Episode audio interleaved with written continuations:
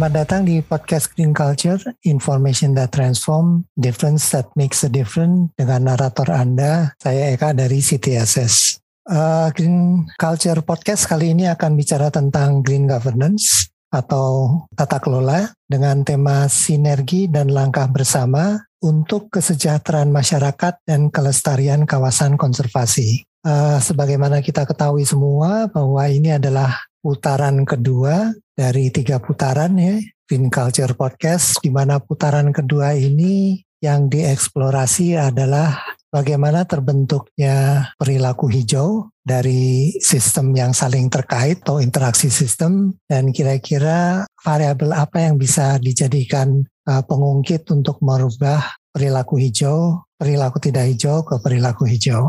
Nah, sesuai dengan temanya, temanya tadi adalah sinergi dan langkah bersama untuk kesejahteraan masyarakat dan kelestarian kawasan konservasi. Eh, semoga paparan hari ini bisa membawa kita kepada pemahaman lebih dalam mengenai manfaat kawasan konservasi bagi semua, baik bagi masyarakat maupun bagi pemerintah. Dan seperti saya uh, biasa, saya ditemani oleh Budami sebagai host dan saya persilahkan Budami untuk memulai dan mengenalkan co-host dan narasumber. Terima kasih Mas Eka. Uh, saya ingin menyapa para pendengar dahulu. Selamat datang para pendengar. Selamat bertemu kembali dalam episode Green Culture kali ini untuk Green Governance. Um, hari ini saya dengan Mas Arief ya seperti biasa kami akan berbincang-bincang nih ngobrol-ngobrol lanjutan tentang uh, Green Governance dan kita akan ditemani oleh seorang kawan lama, kawan baik sekali yang datang jauh banget, nun jauh dari uh, Sumatera sana. Nah, untuk memperkenalkan saya langsung akan mempersilahkan Mas Arief nih. Silahkan Mas Arief. Ya, terima kasih Bu Dami. Selamat bergabung kembali dengan podcast Green Governance. Pada kesempatan kali ini, kalau merasa bahagia itu sudah umum Bu Dami, tapi kayaknya agak aneh hari ini saya rasanya. Mau iya. bicara konservasi tapi dengan teman lama yang tidak seolah-olah tidak ada kaitannya dengan konservasi sama sekali. Ya.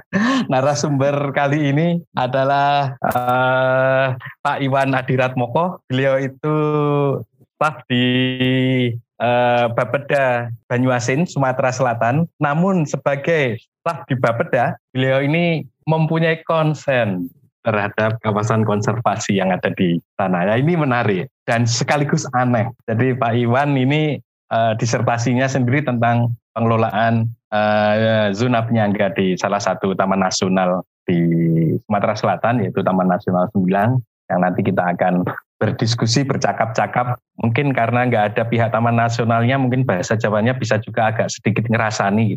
Oke kira-kira begitulah narasumber kita. Kali ini adalah seorang yang aktif di pemerintah daerah namun punya concern terhadap kawasan konservasi. Intinya itu jadi apakah bisa langsung dimulai ke Pak Iwan? Langsung saja Pak Iwan, selamat datang. Senang sekali bertemu kembali. Halo selamat Pak Iwan. Datang. Terima kasih Prof.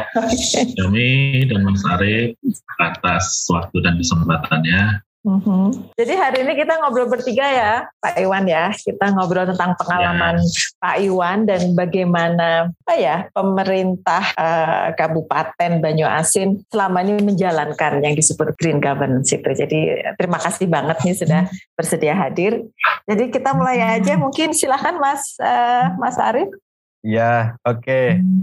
Jadi ini melanjutkan obrolan masa lalu, Mas Iwan. Jadi saya masih masih penasaran ini sebenarnya. Buat pemerintah daerah sendiri, kalau dipikir-pikir itu di wilayahnya ada kawasan konservasi itu apa manfaatnya gitu kira-kira ya.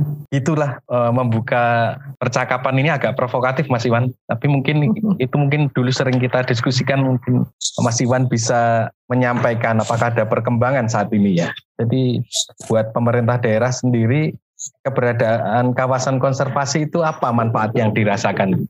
Terima kasih Mas Arief eh, berbicara tentang kawasan konservasi khususnya di Kabupaten Banyuasin uh, memang sebagai salah satu aparatur sipil negara yang ada di yang bertugas di wilayah kabupaten eh, saya merasakan betul adanya perubahan-perubahan kebijakan terkait dengan pengelolaan kawasan konservasi ini khususnya. Pada awal reformasi, yaitu sampai sekitar tahun 2015, itu kabupaten masih memiliki kewenangan dalam mengelola uh, salah satu uh, kawasan konservasi ya atau hutan yang berfungsi sebagai konservasi yaitu kawasan hutan lindung di luar kawasan hutan yang ada di kabupaten yang menjadi kewenangan kabupaten saat itu yaitu kawasan hutan produksi dan kawasan hutan produksi yang bisa dikonversi. Uh, tapi seiring waktu uh,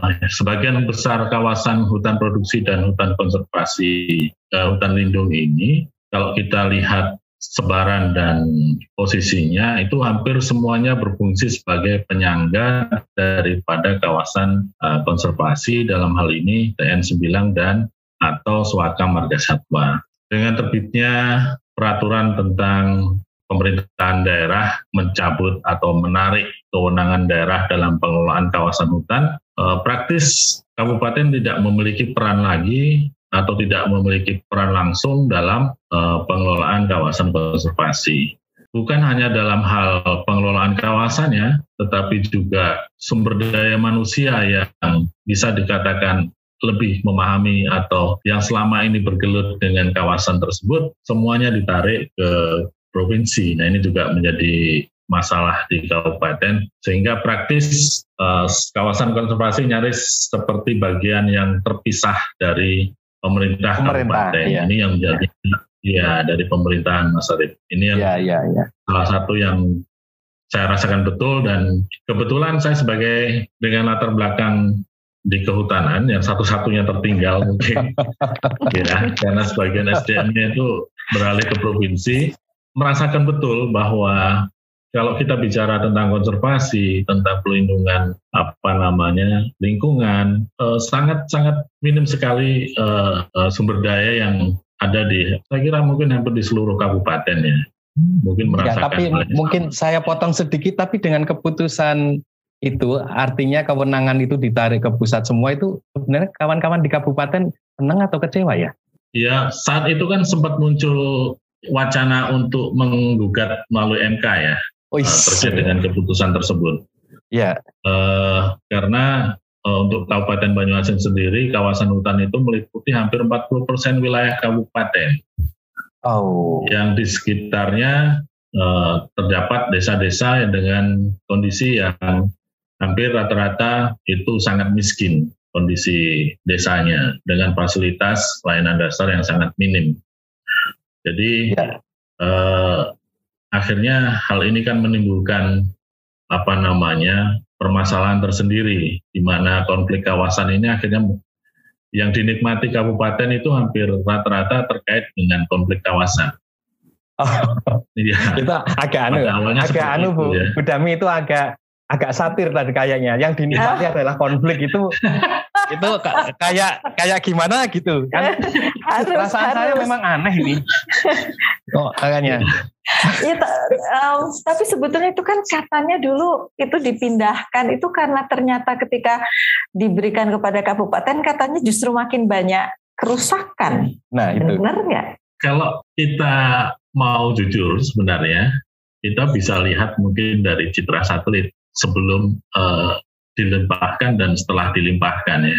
Hmm. Justru sebenarnya uh, apa namanya kalau khusus untuk di kawasan hutan lindung Banyuasin misalnya, kondisi degradasi hutan lindung mangrove kita itu justru terjadi pasca pelepasan atau peralihan kewenangan dari peralihan. kabupaten ke provinsi. Provinsi. Oh, iya, menarik. karena dengan adanya ya, pelepasan ya, ini kan ya, ya. Uh, itu bisa terlihat jelas itu seperti di seberang KTM Telang itu ada pembukaan besar-besaran. Kita bisa lihat dari citranya itu sangat-sangat menyedihkan di mana kita tahu Telang itu menjadi penyangganya TN9 salah satu ya, ya, ya. TN9 itu misalnya seperti itu. Art, artinya Jadi, bisa anu ya, bisa kita katakan apa ya?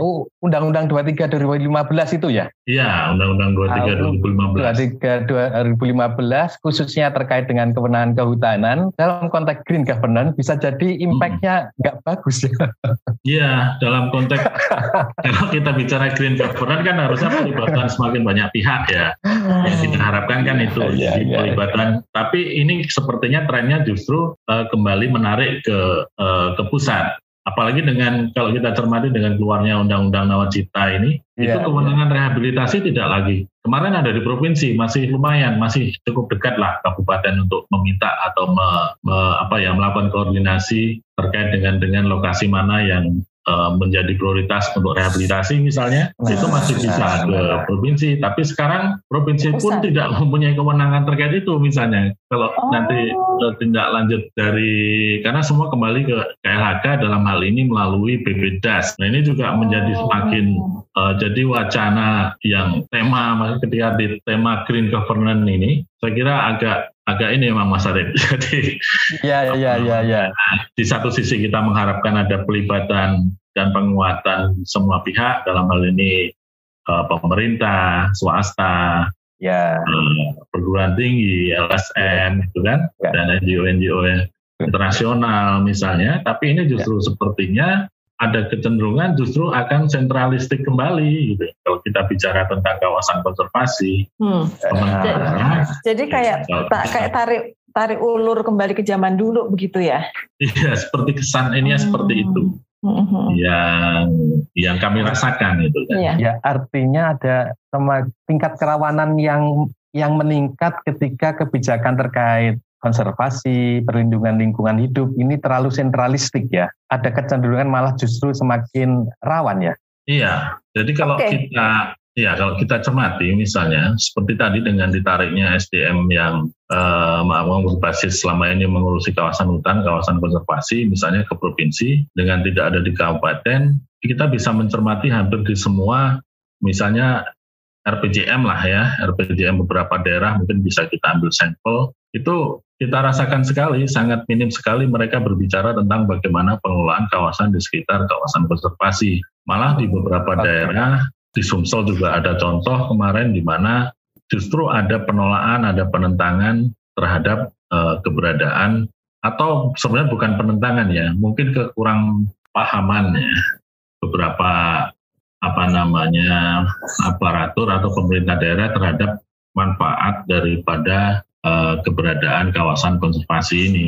Tapi Mas uh, Mas Iwan, saya, saya jadi mikir, oke okay, katakanlah memang ditarik ke apa pusat provinsi, tapi sebetulnya di kabupaten sendiri, bupati bukannya bisa mendirikan apa ya semacam tim ad hoc lah atau gimana? Ya memang seharusnya masuk dalam struktur ya. Jadi bukankah pemerintah daerah itu harus bekerja sama dengan misalnya kementerian dan sebagainya. Jadi uh, apa pun yang terjadi sekarang harus dipikirkan adalah bagaimana supaya itu bisa berjalan di tingkat lokal dengan kerjasama dengan pemerintah pusat. Nah itu itu itu, itu gimana uh, berjalannya? Apakah tidak bisa seperti itu, misalnya membuat tim ad hoc atau membuat struktur di dalam pemerintahan kabupaten, walaupun itu tidak kewenangannya ada di, pusat, tetapi karena daerahnya adalah di situ, harusnya kan bupati mempunyai orang-orang yang memang langsung menangani kawasan itu juga, karena sehari-hari kan yang hidup di situ teman-teman di tingkat lokal, nggak, nggak bisa gitu ya kok pemerintah ya? Ya, nah ini yang jadi yang mungkin sangat kami rasakan ya. Jadi pada satu saat ketika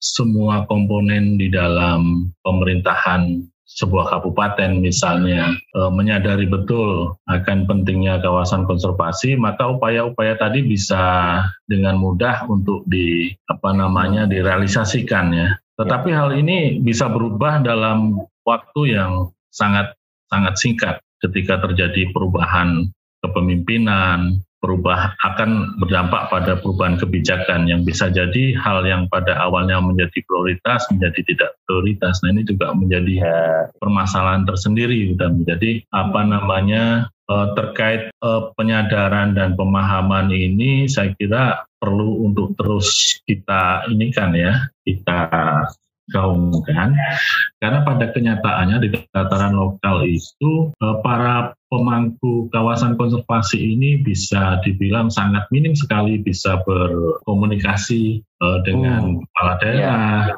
Prabu. Bahkan dengan OPD pun kita masih agak kesulitan mencarikan ini ke mana ya, apa namanya? Ya, ya, ya. Karena di daerah sendiri tidak ada struktur yang uh, karena tidak ada kewenangan tadi, otomatis di dalam struktur organisasinya juga tidak ada tidak yang terkait ada. langsung dengan ya, ya, ya. ini, ini yang jadi masalah. Huh. Dan itu, itu di dalam governance-nya kabupaten memang betul nggak ada nggak ada struktur. Tapi saya tadi bilang apakah kemudian bisa jadi ada ad hoc apa gimana gitu sebagai uh, way out sebagai way out sementara. Iya, jadi karena pemerintah daerah ini sangat yang hampir-hampir semua aspek ya, terutama di dalam penyusunan uh, struktur organisasi, program kegiatan, uh, arah kebijakan, itu kan hampir semua berpegang kepada Permendagri, sebagian besar ya, sebagian hmm, besar berpegang pada Kemendagri dan kalau kita bicara tentang lingkungan hidup, itu memang ada satu uh, dinas lingkungan hidup DLH tetapi di situ kalau kita perhatikan di dalam baik di dalam struktur apa namanya struktur organisasi dan uh, tupoksi yang ada di mereka itu sangat sangat sedikit sekali. Uh, okay. Tapi di, untuk Kabupaten Banyuasin itu hmm. ada satu hanya di level kas kepala seksi ada satu kepala seksi tentang uh, konservasi sumber daya alam. Oke. Okay. Tapi hmm. itu juga praktis tidak pernah kebagian apa namanya anggaran. Ah. Nah ini juga menjadi apa namanya menjadi permasalahan menjadi masalah. juga. Iya, jadi mm -mm. memang karena memang hampir semuanya uh, kalau kita bicara lingkungan hidup di kabupaten ini arahnya memang lebih ke yang dampak daripada pelaksanaan pembangunan. Uh, hmm. Sementara untuk yang terkait dengan konservasi keanekaragaman hayati di kawasan konservasi bisa dikatakan sangat ini ya. Hmm. Menarik bahwa ketika kewenangannya tidak ada, kemudian anggarannya juga menjadi tidak ada gitu ya, Pak Iwan ya? Iya, sudah otomatis itu oh. tidak ada slot okay. untuk bisa menganggarkan di situ. Iya, iya. Jadi walaupun kemudian ada ad hoc gitu-gitu, masalah anggaran menjadi tanda tanya karena mau dislotkan dari mana. Iya, hmm. karena rekening okay. apalagi dengan diberlakukannya SPD, semua rekening dan nomor kegiatan sudah baku itu. Oke, ini menarik nih. Nanti iya. kita bisa diskusi dengan Mas Joko terkait green finance. Ini harus kita angkat nih Mas Arief. Iya, begitulah kira-kira. Hmm. Cuman apa ya, di tengah-tengah keterbatasan dalam konteks tadi policy lah, kalau kita katakanlah bicara governor itu kan juga ke bicara tentang apa ya misalnya niat baik, niat baik dari Pemda misalnya, terlepas dari apa pendekatannya tadi kalau Budami menawarkan apa struktur ad hoc itu juga agak sulit juga ya Mas Iwan ya. Iya. Terus ya, kalau mungkin. yang memungkinkan kan mungkin program ya, program yang ada yang bisa dikembangkan di sekitar kawasan. Nah gambarannya seperti apa? Kalau toh dari pihak Pemda itu ada niat baik untuk ikut berkontribusi terhadap isu konservasi di wilayahnya gitu. Mungkin apa ya gagasan pemikiran gitu Mas Iwan. Iya, sebenarnya ada uh, tema pemberdayaan ini menjadi salah satu tema yang bisa menjadi pintu masuk ya, pintu masuk kita untuk uh, berbicara tentang kawasan konservasi di kabupaten. Jadi ketika kita bicara tentang pemberdayaan masyarakat, uh, sebenarnya tema ini yang sebenarnya bisa menjadi itu tadi nomor satu ya, nomor satu Eh, bisa menyatukan para pihak, kita kaitkan dengan upaya konservasi. Kalau kita bicara konservasi atau upaya konservasi dengan pemerintah kabupaten, kita akan sangat kesulitan untuk bisa menemukan itu tadi karena memang tidak ada kewenangan ya tidak tapi kalau kita bicara pemberdayaan pemberdayaan okay. masyarakat yang sebenarnya hampir semua program pembangunan yang ada sekarang itu arahnya ke dua hal besar yaitu yang pertama pelayanan yang kedua pemberdayaan masyarakat pemberdayaan masyarakat ini sebenarnya bisa menjadi pintu masuk kita melalui dokumen-dokumen perencanaan yang disusun bersama dan saya kira kemarin contoh kelola sendang itu sangat bagus sebenarnya hmm. dengan model landscape pengelolaan landscape-nya ya. Yeah. Tapi yang menjadi permasalahan selanjutnya itu tadi eh, bagaimana kita bisa mengawal dokumen yang sudah kita susun itu bisa hmm. menjadi acuan bersama ketika ada perubahan kebijakan atau kepimpinan itu kan ada perubahan di mana itu kan kemarin kita susun jangka agak jangka jangka menengah ya yeah. yang itu sebenarnya bisa bisa di ini kan cuma menjamin dan dokumen-dokumen seperti ini sebenarnya bisa menjadi salah satu tadi pengikat melalui upaya pemberdayaan di sekitar masyarakat yang sekarang ini masih dilakukan masing-masing ya. Dan sembilan ah. punya pemberdayaan masyarakat, ah. Tapi okay. dia tidak terkoneksi dengan pemberdayaan masyarakat yang ada di OPD pemerintah kami. daerah. Ya, pemerintah daerah. Ya, ya, ya, kebijakan ya. sama gitu. Nah ini yang okay. yang mungkin perlu di termasuk jasa perusahaan misalnya, mereka juga punya itu pemberdayaan masyarakat. Tapi hmm. apakah eh, apa namanya yang mereka lakukan itu terkoneksi dengan yang dilakukan Pemda atau TN9 sendiri? Ini juga ya, ya. bagaimana program yang dari pemerintah, dari swasta, dari pusat, dari provinsi itu bisa saling terkoneksi sehingga pemberdayaan bisa benar-benar pemberdayaan bukan hanya apa ya kalau sekarang bukan hanya manis di mulut ya. Ya kalau sekarang kan gugur wajib pemberdayaan itu lebih ke bantuan saja. Ini yang ah, oke oke oke. Ya ya memberi bantuan. Artinya pintu Sebetulnya masuk kan, sinergi dan oh, membangun okay. langkah bersama itu. Nah, silakan Bunda aku juga mau ngomong nggak persis persis aku juga mau ngomong gitu. Jadi monggo uh, dilanjutin Arif. Cocok banget. Artinya pintu masuknya ya di pemberdayaan masyarakat di sekitar itu yang bisa dilakukan secara lebih sinergi dan tidak sendiri-sendiri gitu ya Mas Iwan ya. Pemerintah Kabupaten Banyuasin sekarang ya. mendelegasikan beberapa kewenangan dan menggiatkan kegiatan pemberdayaan ini sampai ke level eh, kecamatan Mas Arif. Contoh Banyuasin 2 dan Karanganggung Ilir itu ya. menjadi contoh yang cukup bagus untuk bisa diterapkan di kecamatan yang lain. Uh, bagaimana Pak Camatnya bisa aktif seperti itu ya, merangkul yeah. semua pihak untuk sama-sama uh, mengangkat isu di daerahnya dan me menselaraskan kegiatan kegiatan-kegiatan yang dilakukan oleh para pihak di wilayahnya. Ini juga termasuk desa-desa ya, koneksivitas yeah. kegiatan antar desa ini juga perlu contoh-contoh dan pola-pola pemberdayaan yang memang bisa di, dilanjutkan, digulirkan gitu. Ya, ini kan salah satu yang menjadi kendala selama ini tuh ketika anggaran terputus, kegiatan tadi juga ikut terputus. Padahal kita bisa mencari dari sumber yang lain sebenarnya untuk bisa hmm. apa namanya uh, itu tadi makanya dulu mekanisme membagi tahun misalnya ketika Taman Nasional Sembilang hanya mampu memberdayakan satu desa dari okay. kurang lebih okay. 17 desa yang harusnya mereka yeah. punya. Ini kan harusnya yeah. bisa dikomunikasikan dengan Pemkap dan perusahaan di sekitarnya. Yeah. Betul. Bagaimana dengan desa-desa yang lain gitu kan. Yeah. Nah, ini yang itu Budami. ada harus ada istilah harus. mengkomunikasikan tadi yang agak menggelitik Budami. Hmm, hmm, itu okay. bagaimana kemudian kalau tahun ini TN 9 misal Taman Nasional 9 punya rencana desa ini, desa itu. Uh, sementara tidak ada salah satu SK Mendagri pun yang mengharuskan misalnya TN 9 untuk mengkomunikasikan itu ke iya, iya, iya. pemerintah daerah misalnya. Nah, itu iya. ya, uh, katakanlah kita sudah ketemu beberapa kata kunci satu sinergi dua pintu masuknya adalah pemberdayaan yang ketiga komunikasi nah komunikasi kebayang seperti apa ya kira-kira ke depan ya supaya tadi terjadi sinergi dalam konteks pemberdayaan itu? Kalau dari sisi apa namanya peraturan sebenarnya peraturan kita itu sudah mensyaratkan ya adanya kolaborasi, adanya apa namanya sinergitas, misalnya oh. melalui Muslim Bangdes, Muslim Bangcam, Muslim Bangkap, okay. Muslim Bangprov gitu kan. Cuma yeah. Sayangnya lagi-lagi kalau kita perhatikan dan ikuti, hampir semuanya itu lebih bersifat uh, formalitas untuk uh, legalitas daripada dokumen perencanaan, bukan bagian dari proses penyusunan perencanaan itu sendiri. Padahal kalau kita perhatikan sebenarnya uh, dimulai dari proses perencanaannya harusnya, tapi yang jadi masalah dokumen kita ini dibatasi waktu. Nah ini yang akhirnya menjadikan kita juga tidak bisa berdiskusi terlalu panjang Mas Arif. Udah nih. Hmm. Jadi Dibatasi akhirnya yang kita lima uh, tahun gitu. Bukan. Jadi misalnya untuk tahun depan kita itu sudah mulai sekarang musren bank desa misalnya. Ah, harus iya, mulai iya, iya. harus selesai di bulan uh, Desember. Iya. Nah, terus nanti uh, bulan Maret itu kita harus musren bank kabupaten. Di antaranya ada forum RKPD, banyak tahapan kegiatan yang harus kita laksanakan hmm. yang agendanya itu sudah sangat sangat mepet sekali. Iya. Sehingga proses partisipasi yang harusnya ada proses dialog panjang, ada proses saling hmm. negosiasi gitu ya.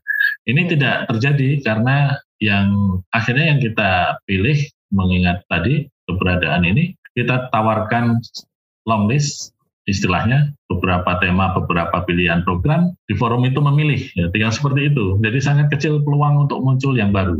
Ini juga mungkin menjadi salah satu terkait dengan pelaksanaan kata partisipatif tadi ya. Termasuk instrumen ya, ya. pengelolaan lingkungan kan sebenarnya juga sudah cukup banyak ya yang yang harus dipatuhi oleh kita pemerintah daerah misalnya.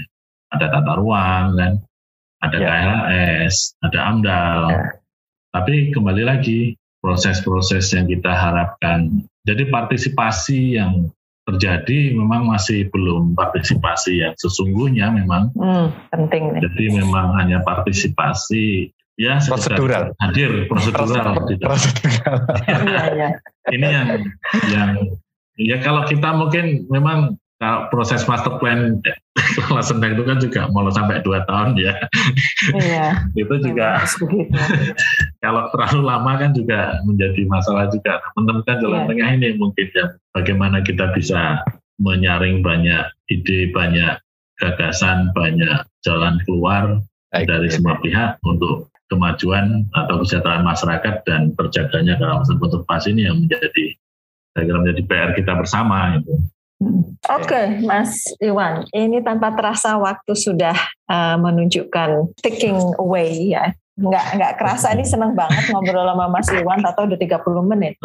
Nah, jadi sebagai penutup ini, apakah ada sebuah closing statement gitu dari Mas Iwan tentang ini apa green governance dan pengalaman? Apa ada semacam apa ya, perenungan yang ingin disampaikan kepada para pendengar Iya, green governance saya kira merupakan harapan kita bersama ya kalau bisa terwujud. Tapi ini baru bisa kita laksanakan, baru bisa kita wujudkan jika pemerintahannya kuat, terus masyarakatnya juga berdaya, perusahaannya peduli dan ada keterlibatan perguruan tinggi serta lembaga-lembaga swadaya masyarakat yang uh, bisa bersinergi secara bersama. Karena green governance sangat sulit untuk bisa diwujudkan jika tidak ada keseimbangan di antara para pihak ini. Karena kalau tidak ada keseimbangan berarti ada yang dominan. Jika ada yang dominan pasti ada yang inferior kalah inferior atau pada akhirnya terkalahkan dan hilang. Mungkin itu. Oke, luar biasa nih, yeah. Dokter Iwan luar biasa. mantap, mantap. um, Oke, okay, Mas Mas Arief, um, apakah mau memberikan apa ya semacam ya perenungan atau highlight? What, what what do you think is the most important yang tadi ini kita bicarakan? Kayaknya di luar kemarin itu kenapa kita kalau soal policy kan jadi agak agak terbatas tapi karena ada niat baik lewat wacana governance ini maka dari sisi para pihak uh, mudah-mudahan lebih terbuka lah uh, komunikasi bisa disikapi tidak hanya dasar kebijakan saja tapi juga ada kesukarelaan di sana ada niat baik dan sama-sama punya tujuan uh, yang sama tentang konservasi misalnya mm-hmm. sehingga ini apa pun hambatan polisinya mudah-mudahan dengan prinsip governance ini yang ada kesukarelaan ada cita-cita bersama tujuan bersama mungkin hambatan-hambatan uh, yang mungkin apa ya tercipta dari adanya keterbatasan policy itu sendiri bisa teratasi. Oke. Okay. Uh, eh, itu kira-kira. Terima kasih. Um, Pak Iwan, Mas Arief, terima kasih banyak untuk ngobrol-ngobrolnya di siang hari ini. Uh, kepada pemirsa mungkin apa ya sesuatu yang bisa kita pikirkan bersama ya dari hasil diskusi. Green governance itu adalah sebuah perjalanan. It's a journey, perjalanan untuk menuju sebuah goal yang tadi disampaikan oleh Pak Iwan itu ternyata memerlukan prasyarat yang luar biasa banyaknya dan komunikasi yang sangat baik dan ketulusan dalam menjalankan peran masing-masing. Apakah kita bisa Indonesia sebagai sebuah negara kepulauan menuju kepada green governance, mari kita tunggu. Tampaknya perlu ada spin-off pembicaraan lagi karena diskusi dengan Mas Iwan belum selesai. Jadi kita akan ketemu lagi dengan Mas Iwan dalam kesempatan yang lain. Terima kasih banyak Mas Iwan, Mas Arief. Ya, sama-sama. Sama-sama. Iya, dan sampai ketemu kembali dengan para pemirsa di Green Culture Podcast berikutnya. Sampai jumpa. Terima kasih.